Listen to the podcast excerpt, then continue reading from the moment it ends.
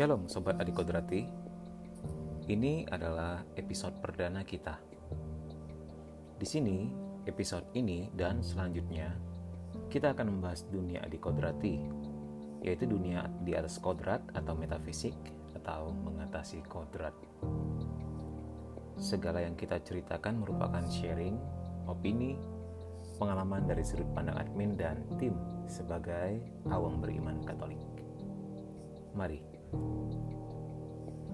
Episode perdana ini berbicara mengenai empat tipe atau jenis intervensi iblis atau setan pada manusia. Adalah sebagai berikut. Pertama, posesi atau possession kedua opresi atau oppression yang ketiga obsesi atau obsession empat investasi atau investation nah pada uh, sesi atau episode pertama ini kita membahasnya dua sesi perdana dulu ya supaya bisa dibagi dan tidak terlalu panjang. Oke. Tipe yang pertama adalah posesi. Roh jahat menguasai tubuh korban, bukan jiwanya, menggerakkan semaunya, mewujudkan diri dengan karakter demon atau iblis yang bersangkutan. Adapun ciri-cirinya, dalam kasus yang pernah admin hadapi, misalnya yang merasuki berbentuk nenek atau kakek atau ular atau harimau, maka manifestasi geraknya persis seperti wujud rasuknya. Jalannya yang bungkuk, suara yang berubah, yang berwujud ular atau harimau memperlihatkan gerakan menyerupai ular atau harimau, atau binatang-binatang siluman lainnya. Korban lalu memiliki pengetahuan di luar pribadi aslinya. Misalnya tiba-tiba mengetahui bahasa tertentu, tarian tertentu, hingga tahu dosa-dosa seseorang yang hadir di sekitar atau tempat itu dan bisa dengan tepat menyebutnya. Bersifat keji, tidak sopan, manipulatif, dibarengi dengan kata-kata kasar yang penuh kebencian. Tidak suka lagu rohani. Nama Yesus atau Roh Kudus paling anti dan hal-hal sakramentali seperti salib, air suci, garam suci, dan minyak urapan.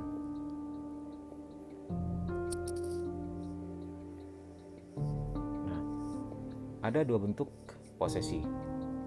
Pertama adalah posesi penuh. Jika iblis atau setan menguasai korban sepenuhnya, jadi tubuh tersebut menjadi dalam tanda petik tata dari si jahat untuk digunakan sesuai kehendaknya. Sementara jiwa korban hanya bisa melihat dari jauh dalam keadaan terikat dan tidak berdaya. Posesi penuh ini pernah direpli Yesus dalam peristiwa orang gila di Gerasa di Lukas 8 26 sampai 39. Orang tersebut dirasuki legion, jadi banyak sekali setannya. Telanjang dan stay di pekuburan. Tidak ada orang normal yang melakukan hal ini. Uh, yang kedua adalah posis, posesi separuh ya. Jika iblis merasuk pada jam-jam tertentu saja, datang dan pergi sesuka hati atau sesuai perjanjian yang pernah dia buat dengan manusia yang bersangkutan. Sehari bisa beberapa kali. Dalam beberapa kasus, iblisnya malah menyebut akan masuk hari apa, jam berapa. Ya. Levelnya ini adalah level tingkat tertinggi, apalagi yang full possession atau posesi penuh ya. Penyebabnya anak hasil pesugihan terlibat okultisme atau ritual sesat level tinggi, perjanjian darah dengan iblis, diguna-gunai atau bersentuhan dengan perdukunan dan dunia-dunia spiritual seperti New Age, energi dalam tanda petik ya, atau pernah diisi untuk tujuan mendapatkan ilmu tertentu misalnya kebal dan sebagainya. Menyembah berhala, menyembah leluhur, menyimpan jimat, dan lain-lain. Cara mengatasinya, untuk level penuh dilakukan eksorsisme oleh imam eksorsis. Untuk level paruan bisa dilakukan oleh tim deliverance dalam doa pembebasan. Nah, tipe yang kedua adalah opresi. Jadi, eh, roh jahat menindas tubuh korban dan memberikan sakit atau penderitaan jenis tertentu. Tidak alamiah dan tidak dapat dijelaskan oleh medis. Roh jahat juga bisa menindas alam pikir manusia secara massal dan memasukkan kehendaknya pada kultur atau ajaran manusia.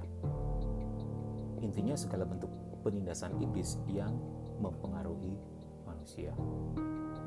Ciri-cirinya sakit jenis tertentu di bagian tubuh tertentu, sakit emosional, sakit spiritual eh, yang semuanya menyimpang tanpa sebab jelas termasuk di dalamnya mimpi buruk yang terus-menerus bak teror di malam sunyi.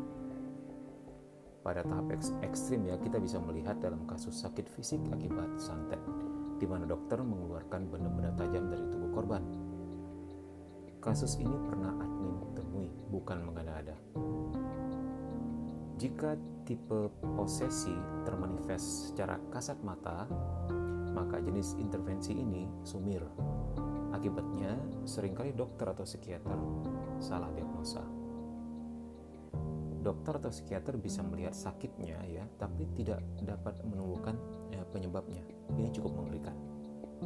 Kecuali jika mereka juga adalah seorang pendoa yang dikaruniai anugerah discernment atau pembeda-bedaan roh.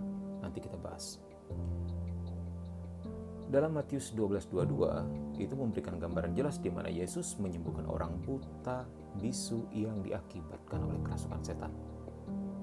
Nah, jadi ada hubungannya antara sakit juga dengan intervensi iblis ya. Untuk sakit jenis tertentu, tidak semua penyakit tentunya. Silakan dibuka sendiri Matius 12:22. Nah, ada dua bentuk opresi.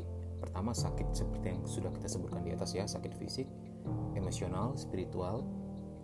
Yang kedua adalah sesat pikir masal. Ya, kepercayaan sesat hingga kultur yang mengorbankan manusia sebagai korban persembahan. Jadi ceritanya, iblis tahu mereka bukanlah lawan yang sepadan untuk Tuhan. Yang mereka lakukan menjadikan manusia kodrat yang paling lemah sekaligus yang paling dikasihi dalam segitiga spiritual ini yaitu Allah, malaikat dan manusia sebagai sasaran dengan harapan Allah tersakiti. Lewat ajaran-ajaran satanik, doktrin-doktrin diabolik dan kepercayaan palsu ini, mereka menindas kemanusiaan kita. Visi misi mereka adalah menggantikan citra Allah dalam diri manusia menjadi citra iblis. Manusia dihinakan sedemikian rupa direndahkan, jenis kelamin tertentu, dibatasi melakukan aktivitas tertentu atau penindasan gender, penindasan cara berpakaian, penindasan dalam bentuk syarat dan ketentuan. Termasuk di dalamnya membunuh karena membela agama. Itu juga adalah sebenarnya pekerjaan dari si jahat. Admin pernah menangani kasus di mana satu keluarga ditindas oleh sebuah perintah dari penampakan Yesus palsu untuk tujuan kesaktian. Hal mana si ayah adalah dukun besar di kampung tersebut ya. Si ayah ini mengharuskan mereka tidak memotong rambut, tidak boleh mencuci rambut seumur hidup. Begitu katanya perintah dari penampakan tersebut. Akibatnya anak-anaknya tidak sekolah. Jadi sekeluarga ini ke mana-mana selalu bersama dan membungkus rambut mereka dengan kain tertentu. Bisa dibayangkan ya wanginya seperti apa sebelum Yesus datang dan membebaskan mereka. Secara level, termasuk level 2, tingkatnya lebih rendah dari tipe 1 yang jika tidak ditangani mengarah pada posesi juga. Penyebabnya terlibat ritual sesat, perdukunan, disantet, penyembahan berhala atau arwah leluhur, kolektor jimat barang antik dan lain-lain ya, sedikit kurang parah dari tipe posesi. Cara mengatasinya cukup tim deliverance. Oke, okay, terima kasih untuk telah mendengarkan uh, episode ini. Kita akhiri sampai di sini dulu. Kita lanjutkan pada pertemuan berikutnya. Ya. Dengarkan utuh episode ini mulai dari sesi 1, 2, 3, dan 4 nanti. Terima kasih sudah menikmati. Follow dan share jika menyukai. Happy leveling dari kodrat menuju adik kodrati. Tuhan Yesus memberkati.